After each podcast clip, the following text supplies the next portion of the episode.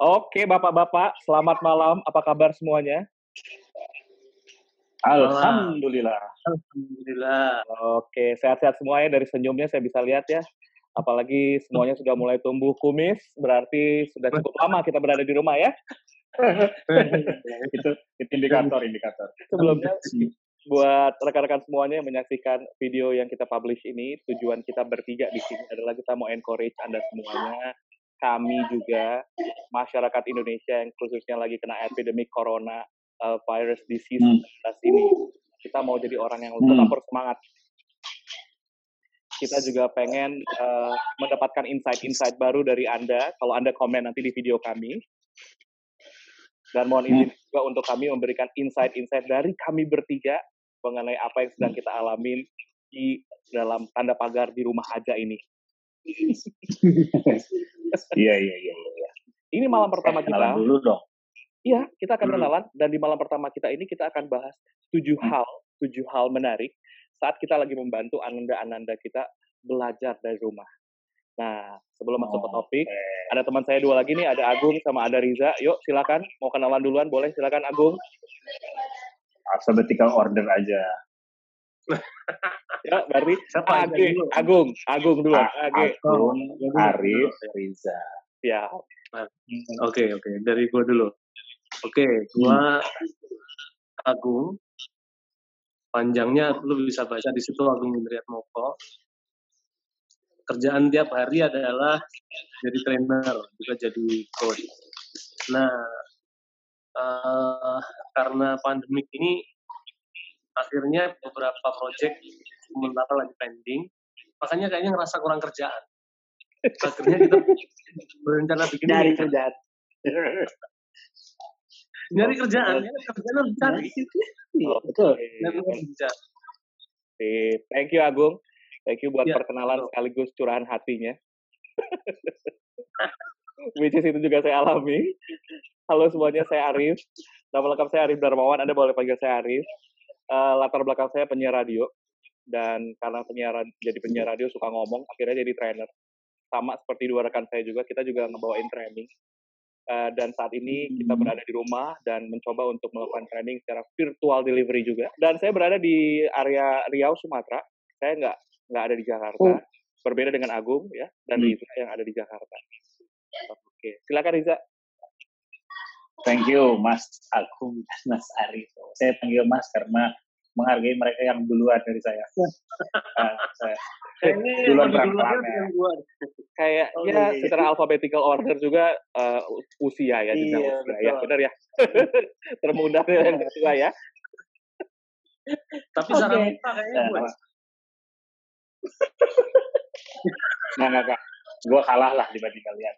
Gue kalah ya kalau secara muka. Ya.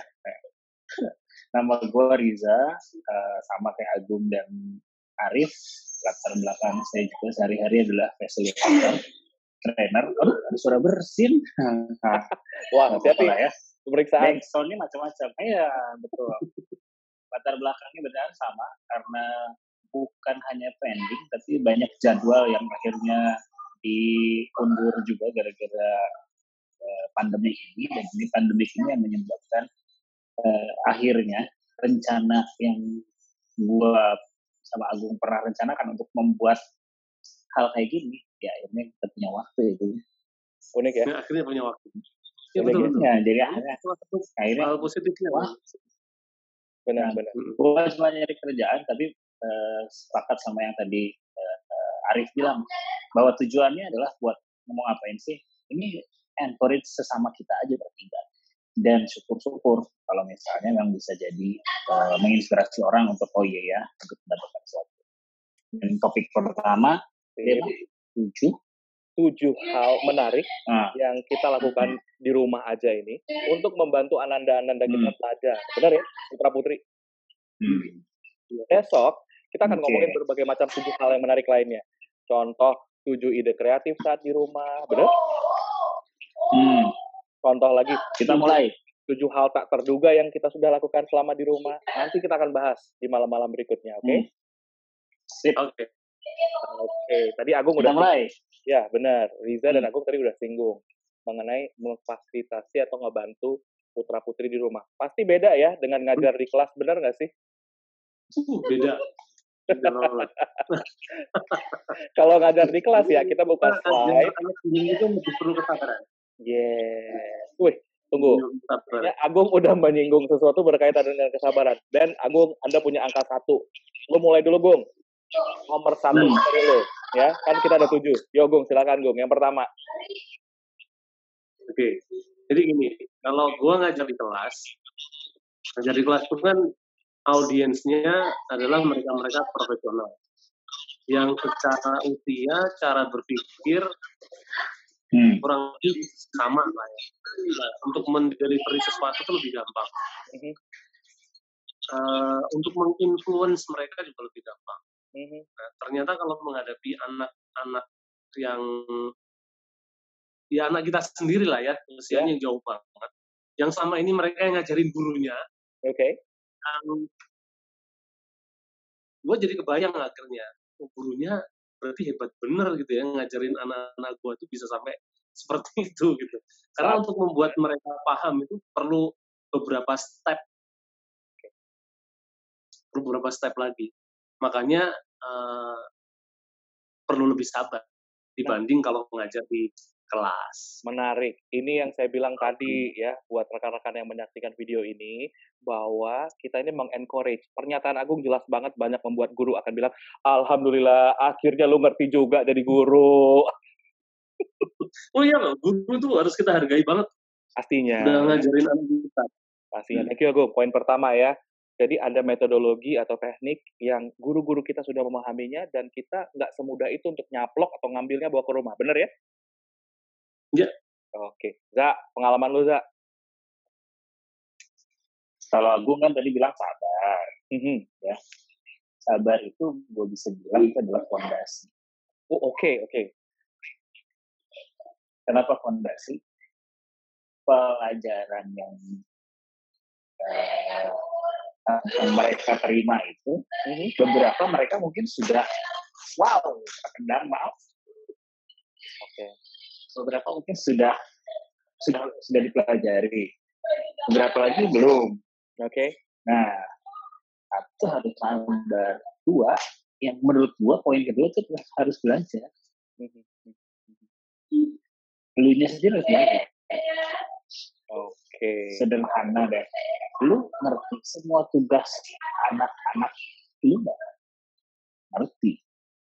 Tapi lu harus belajar juga karena lu ngerti tapi harus bisa delivery biar buat mereka ngerti kan? Nah, oke. Okay. iya iya, iya. Hmm, pertanyaan poin yang benar itu. Betul. Ya kan? Selain lebih sabar dengan ngajarin anak gue jadi nginget pelajaran masa lalu loh. Hmm, dapat ilmu kan? baru lagi itu ada proses belajar juga di situ. Tapi juga menariknya adalah selain daripada belajar pelajaran masa lalu ibaratnya uh, software pasti ada upgrade versionnya, benar nggak? Hmm. Iya, jadi kalau zaman kita dulu ah. cuman jadi kalau zaman kita dulu cuman belajar mungkin integral ya atau mungkin tambah kali kurang. Ini waktu sudah ada simulasi dengan uh, pembagian, cerita, narasi yang berbeda-beda, benar ya? Uh, ya kan sekarang tematik. Iya, iya. Nah, tematik ini guru guru mata pelajaran itu dengan dengan dengan tematik yang kayak yang mereka sudah susun, mereka harus menyelesaikan targetnya. Maka itu kan juga mesti belajar supaya anak itu bisa apa ya istilahnya bisa ngikutin sampai ke ya sesuai dengan apa yang dimaksud. Karena tugasnya banyak banget. Coba. Uh, anak dua mhm. tiga satu kuliah udah nggak mhm. perlu mm-hmm. dia sudah zoom course sendiri dan sebagainya mm-hmm. nah yang SD yang kedua lima setiap hari dapat tugas oke okay. nah dapat tugas itu yang dikasih tugas kan anaknya kan mm-hmm. nah tapi melalui orang tua atau melalui Google Classroom ya, kitanya harus belajar Wah, ini juga udah Coba poin ketiga tuh, Za, ya. Nah, jadi tujuh hal yang pertama sabar. Saya yakin uh, lu nyatat ya, Dre? Iya. Yang pertama itu sebetulnya bukan sabarnya. Yang pertama yang di-highlight oleh Agung adalah mengenai metodologinya. Tapi memang Nah. dengan kesabaran. Karena Nah, cara guru dengan cara kita beda. Oke. Hmm. Terus hmm. Reza tadi bilang dari kesabaran itu Reza akan tarik bahwa eh, ada generasi-generasi yang perlu kita penuhi kebutuhannya dan cara belajarnya yaitu tematik tadi ya. Hmm. Ada yang SMP, ada yang SD atau mungkin ada yang Eh, kuliah. anak, a- cuy, anak lu pakai Google Classroom nggak? Pakai apa? Google Kamu kali Classroom. ya, kalau anak gue belum tuh. Enggak, Nah. enggak. Enggak. Enggak, anak gue enggak, enggak pakai. Nah, di sini anak gue pakai Google Classroom, Mhm. di mana gurunya itu kayak kayak kelas, gurunya itu bisa ngasih tugasnya di situ. Wes, berarti supporting device ya.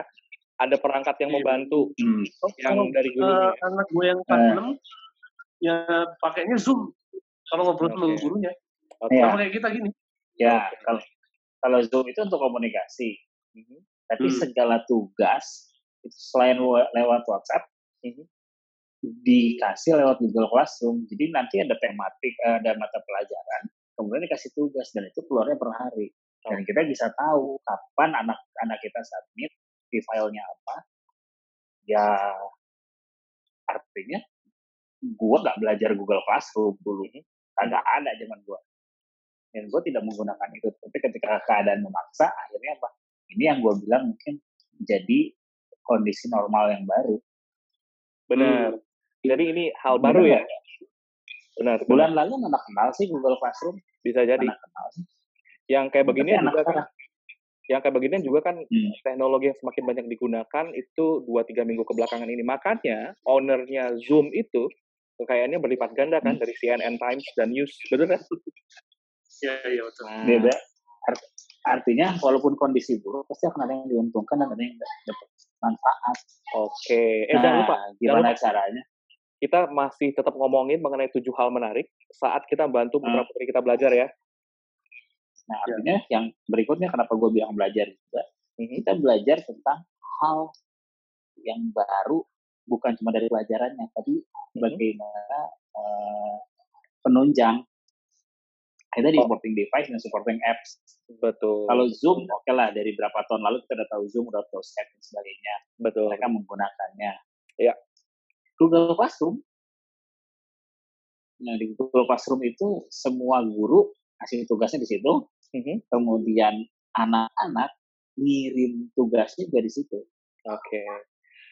Google Classroom ya namanya ya. Mungkin ini adalah device yang Ya. bagus atau aplikasi yang ah, bukan device ya, aplikasi yang bagus bisa digunakan mungkin ya. Selain dari hanya Zoom saja. Dan siapa pun bisa bikin kelas itu. Gue coba, gue bikin kelas buat gue, gue bikin kelas eh, Google Class gue dengan topik apa pun, dan gue bisa invite siapa pun di situ. Tinggal kasih nomor kelasnya. Hmm. Memudahkan Oke. dia eh, harus belajar dan anaknya juga harus belajar untuk satu misalnya dia bikin tugas, kemudian dia foto. Yes. Kalau yang tugasnya ditulis atau digambar, kemudian kalau misalnya tugasnya diketik, dia tinggal upload filenya, terus dia serahin di tugas itu. Oke. Lebih mudah satu hal, Mhm. Eh, tinggal kayak misalnya gini, ya gimana caranya memindahkan kelas-kelas yang klasikal itu ke Mhm. kondisi di rumah aja itu aja sih. Ya, Oke, menarik. Jadi sudah ada tiga, Berapa coba lu hitung? empat dengan device. Yang pertama metodologi Hmm. dari Agung tadi, yang kedua tematik eh, eh, mata pelajaran secara tematik diberikan oleh eh, kita di rumah untuk ananda-ananda kita, baik yang SMP, SD, yang udah di tingkat sekolah lanjutan. Kemudian aplikasi ya, aplikasi dan perangkat yang bisa kita gunakan ada Google eh, Classroom, kemudian ada Zoom ya. Ini bisa secara Hmm. optimal kita pelajari dan gunakan. Nanti mungkin kita akan discuss detailnya ya, Za ya, Gung ya Hmm. mengenai Hmm. apa ini aplikasi dua ini dan ingat kita bukan promotor aplikasi kita cuma berbagi ya supaya makin mudah pekerjaannya Em, kemudian Iya. yang Zoom keempat juga, Zoom juga kayak Aqua lah. Orang bisa ngomongin Zoom sekarang, eh Zoom call aja, kayak ngomong Aqua. iya, iya. walaupun Padahal bukan aqua ya Eh, aplikasi conferencing kan banyak. iya iya iya Iya. benar benar benar nah saya mau lengkapin yang keempat nih. Jadi kalau dari gue yang keempat ini yang menarik adalah saat kita lagi belajar di rumah sama anak-anak kita itu adalah paradigma berhadapan dengan mindset dan paradigma anak-anak. Anak gue TK baru mau masuk ke SD dan ketika dia sudah lebih dari tiga hari berada di rumah, dia menganggap ini adalah liburan panjang. Emang TK udah belajar ya? Tuh, TK udah gambar. TK sudah mulai berkenalan dengan bentuk, warna, nari. Bener dong? Kemudian pengenalan suara, beberapa huruf dan angka itu sudah muncul. Ya, angka biasanya 20, 20 ke 30, 30 ke 40. Itu khususnya untuk TKB atau TK kelas besar begitu. Nah, pas Hmm. anak gue ngomong, tapi jadi kita kan Hmm. di rumah di rumah kita sudah lama. Berarti ini kan kita lagi berlibur. Kenapa kita berlibur dan belajar? Sebutkan dengan kalimat jawab apa? yang Bukan simpel cuma yang TK, jawabannya. Bukan Oh, bukan cuma TK ya? Oke, terus? Ya, itu juga sama. Nah, sama. Nah, berarti Kan ini belajar di rumah. Ya, artinya sama kayak liburan, Pak. Itu, kata kata anak gue juga begitu. lu jawabnya gimana? Bukannya, Lu jawabnya gimana, Gung? bukannya anak lu emang liburan terus, cuy.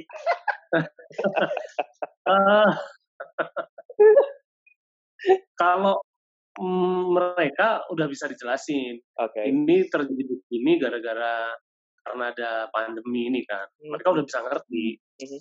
Walaupun kita di rumah, tetap eh, kalau gue sih, gue tetap berlakukan ya. Oke. Mereka hanya boleh main setelah eh, tugas-tugas dikumpulkan. Selama Oke. ini kan sepakat. tugas itu Sama. maksimal jam kalau yang kelas 4 maksimal jam 10. Yang kelas 6 maksimal jam 11. Nah, mereka baru dikasih kesempatan untuk melakukan aktivitas yang lain setelah tugas selesai. Tetap Nah, itu, itu, itu juga menarik kok. Yang, yang lu omongin tadi. Kan orang tuanya satu ya. Kalau punya anak lebih dari satu, terus tugasnya harus ngumpulin waktu yang bersamaan. Dipikir kagak sih? Oh, berarti maksud lu time management, begitu? Ya itu itu, Iya, itu, salah itu yang satunya. Nomor lima. Time orang tuanya satu. kalau gue ngerasa gini, selama tiga minggu adaptasi sih, Ah, adaptasi. ber, ya. Jadi karena gue megang dua anak, satunya kelas 6, satunya kelas 4, eh, dan sementara istri gue juga nggak di sini kan, Hmm. nggak bisa pulang gara-gara tugasnya di luar kota karena pandemi ini. Ya mau nggak mau gue Mhm. megang anak. Nah awalnya emang ribet banget tuh. Dua hari pertama itu ngumpulin tugas telat terus. Hmm. Hari Karena- ketiga selanjutnya kagak dikumpulin. Gak bisa, tetap harus dikumpulin soalnya. Tetap harus dikumpulin. Ah, terus? Karena kalau nggak ngumpulin dianggap nggak hadir di kelas. Oh, ya. Iya, jadi tahu nggak? tahu. Justru mereka dikasih tahu, makanya mereka ngejar banget. Hmm. Jadi kalau mereka nggak ngumpulin tugas atau terlambat sebetulnya eh, itu mereka dianggap nggak hadir di kelas. Nah hanya saja Hmm. ya karena gue bisa ngobrol sama gurunya kan, karena gue megang dua anak, akhirnya ya sudah lah dikasih toleransi keduanya jam 11 nggak apa-apa. Karena tugasnya kadang-kadang Hmm. di awal-awal itu tingkat kompleksitasnya juga lumayan tinggi. Yang kelas 4 cukup rumit, yang kelas 6 juga cukup rumit. Belakangan aja yang enak. Oke. Wah, Terus? ini menarik ya. Ngatur waktu anak-anak yang satu kelas 4, satu kelas 6. Hmm, gurunya pasti beda. Atau Beda. pelajaran yang diberikan mungkin beda-beda juga, benar ya? Udah pasti beda ya. Ada keterbatasan waktu. Artinya ini setiap hari begini ya, Gung ya? Tiap hari begitu. Setiap hari ya. Oke. Nah, menariknya gini. Dua hari pertama terlambat ngumpulin. Hmm. Berikut berikutnya karena udah nyoba eh, menyesuaikan diri, beradaptasi, akhirnya semuanya bisa di manage. Oke, lu kan kapan bilang waktunya megang yang kecil, kapan Hah? waktunya megang yang gede. Nah, Oke. dan untungnya eh, akhirnya kan gurunya nyadar juga tugas itu dikasihnya malam. Kebanyakan. Ah, Oke. Oke. Tugas dikasihnya malam. Makanya malam dikerjain dulu tuh. Hmm. Yang bisa dikerjain dulu dikerjain. yang tugas bisa dikerjakan uh, perlu dikerjakan dan wajib dikerjakan besoknya baru dikerjakan besoknya. Artinya sebelum ini ad hoc ya Gung ya, dadakan gitu. Hmm, dadakan. Oke. Okay. Eh tapi selain daripada waktu yang diberikan lebih leluasa oleh gurunya, apa yang lo lakukan Gung sehingga lo jadi bisa ngatur waktu dengan baik nih ke pembagian uh, tugas ke dua putra putra uh, dua putra putra tadi Gung? Delegate. Delegate. Ya, untuk yang anak gue yang lebih gede, yang kelas 6, mm-hmm. dikasih kepercayaan. Pokoknya dikasih waktu setengah jam, selesaikan. Nanti kalau udah selesai, sebelum disubmit, dikirim, gue periksa dulu. Oke, okay, oke. Okay. Oke. Okay. Nah, nah, dengan begitu gue bisa leluasa tuh megang yang yang kecil yang lebih perlu bimbingan kan. BTW. Awalnya sepanjang menariknya gini. Uh-huh. Uh, yang gua yang gua pikirin kan bukan cuma anak-anak. Iya. Ini iya, minggu-minggu iya. awal tuh gua harus manage kerjaan juga di kantor. Karena masih ada beberapa dokumen kan yang belum beres. Uh, ada telepon dari tim di kantor ngurusin anak-anak. Nah akhirnya yang gue lakukan apa? Pokoknya gue bilang ke anak-anak baru otak gue ada problem apa ya tugas karena jam 11 gue harus fokus uh, ngurusin anak-anak Oke. Okay. Nah itu bantu juga. Oke, okay, teman-teman, kita kan sudah ngomongin selama lebih dari uh, eh, 16 menit ini mengenai enam poin nih. Tinggal satu lagi ya, tinggal satu lagi. Tapi kita recap dulu sedikit ya. Sedikit. Hmm. Yang pertama kata Agung tadi adalah tujuh hal menarik. Salah satu dari tujuh hal menarik bekerja sama anak-anak kita di rumah. Yang pertama adalah memahami metodologi guru-guru. Bagaimana cara gurunya mengajarkan di kelas, ternyata di rumah beda banget dan apa yang dilakukan adalah keep on learning, ya sabar pastinya, tapi lebih mau ngobrol sama anak kita. Apa sih kebutuhannya? Bukan memenuhi segala sesuatu maunya ya, tapi apa kebutuhannya. Nah, cara kebutuhan ini tuh behind the screen juga ya, artinya komunikasi Anda dengan anak harus lebih lancar. Benar ya, Gung ya? Betul. Riza tadi bilang dua poin tuh. Yang pertama mengenai tema. Tema di setiap generasi beda-beda bagaimana anak yang SD, bagaimana anak kuliahan, bagaimana anak yang di SMP. Dan Riza tadi bilang kiat-kiat yang menarik adalah uh, ya udah lo harus selaraskan bahasa lo sesuai dengan bahasa generasinya. Kemudian buat tugas-tugas itu dengan cara yang lebih simpel. Kalau gurunya kemarin mungkin ngomongnya uh, secara teori, di rumah Anda melakukannya dengan cara uh, contoh, sampling, kasih cara-cara yang lebih dekat dengan mereka. Riza juga tadi promote mengenai aplikasi ya, aplikasi yang bisa digunakan untuk memfasilitasi uh, pekerjaan guru dengan anak, orang tua dengan anak. Ada Google, apa tadi Riza namanya? Google Classroom. Google Classroom, kemudian Agung uh, terus bilang mengenai Zoom ya.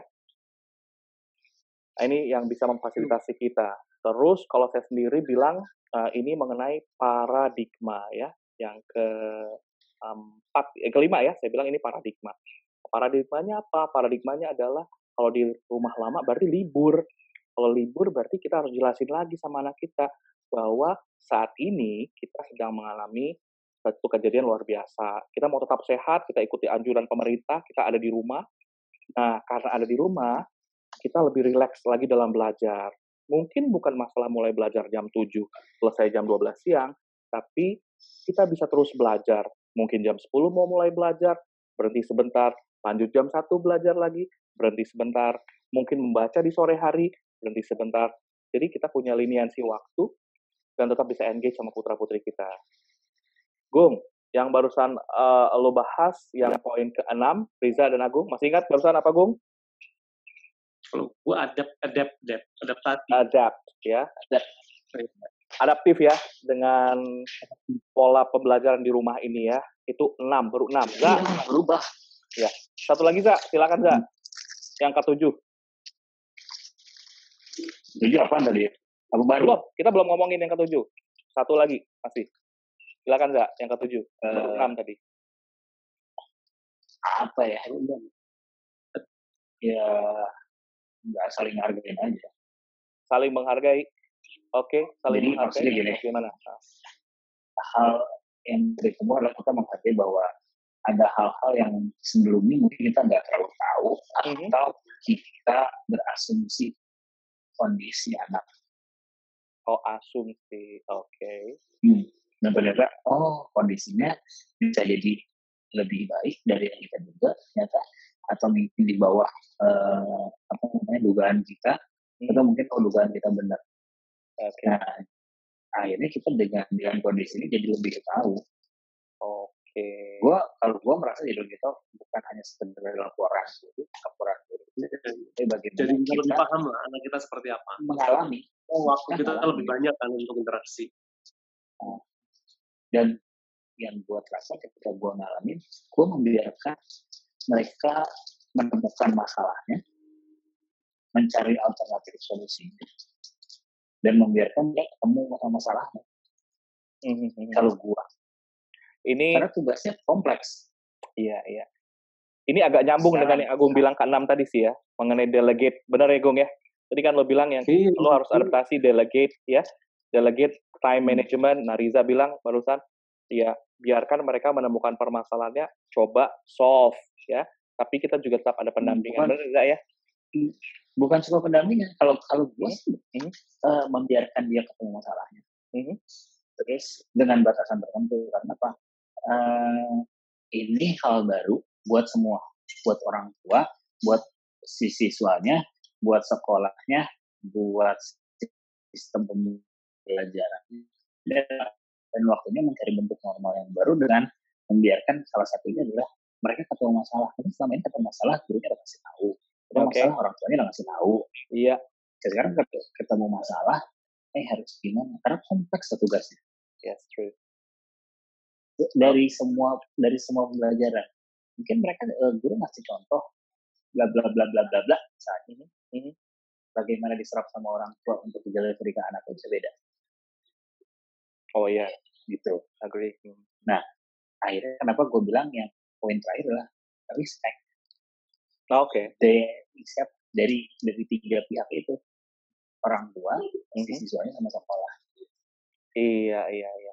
Kita tidak dalam posisi mempersalahkan pihak sekolah jika ada sesuatu yang mungkin merasa kita jadi hmm. merasa, aduh ini apa nih, ah ini susah banget. Kok jadi kayak kita di hmm. rumah kerja lebih banyak sih? Kan kita bayar sama sekolah. No, kita nggak kayak gitu ya. Hmm. Tapi ya, we, tapi kadang ya, we speak the same language yeah. ya sama pihak sekolah ya. Justru ini waktunya komunikasi sama guru kita nggak uh, ada komunikasi bukan uh, ketika ngirim kan? ketika ngirim tugas ke kelasnya. Hmm. Setelah itu kita juga ngobrol lewat WA, gitu, bahas anaknya gimana. Sure, sure. Komunikasi okay. sama guru juga jalan. Oke. Okay. Nah, oke. Okay. Jadi akhirnya kan tiga pihak yang yang terlibat dalam dan bertanggung jawab dalam pembelajaran ini, menurut gua waktunya untuk memberi uang penyelarasan yang baru. Oke, okay. okay. ya. Tapi saya rasa kita harus sudahi dulu obrolannya. Kita lanjutin besok malam ya. Namanya juga trainer ya, hobinya ngomong ya. Plus satu penyiar radio, benar ya? Tapi guys, thank you for tonight ya. Kita mau wrap up dulu. Gue kalau nggak ngomong makan. Enjoy, lihat ya. Gue nggak begini berarti. Oke ya. Uh, untuk yang menonton, Anda bisa lihat di malam ini ya wajah kami seperti ini ya. Sampai jumpa lagi di tujuh hal menarik di malam-malam berikutnya. You.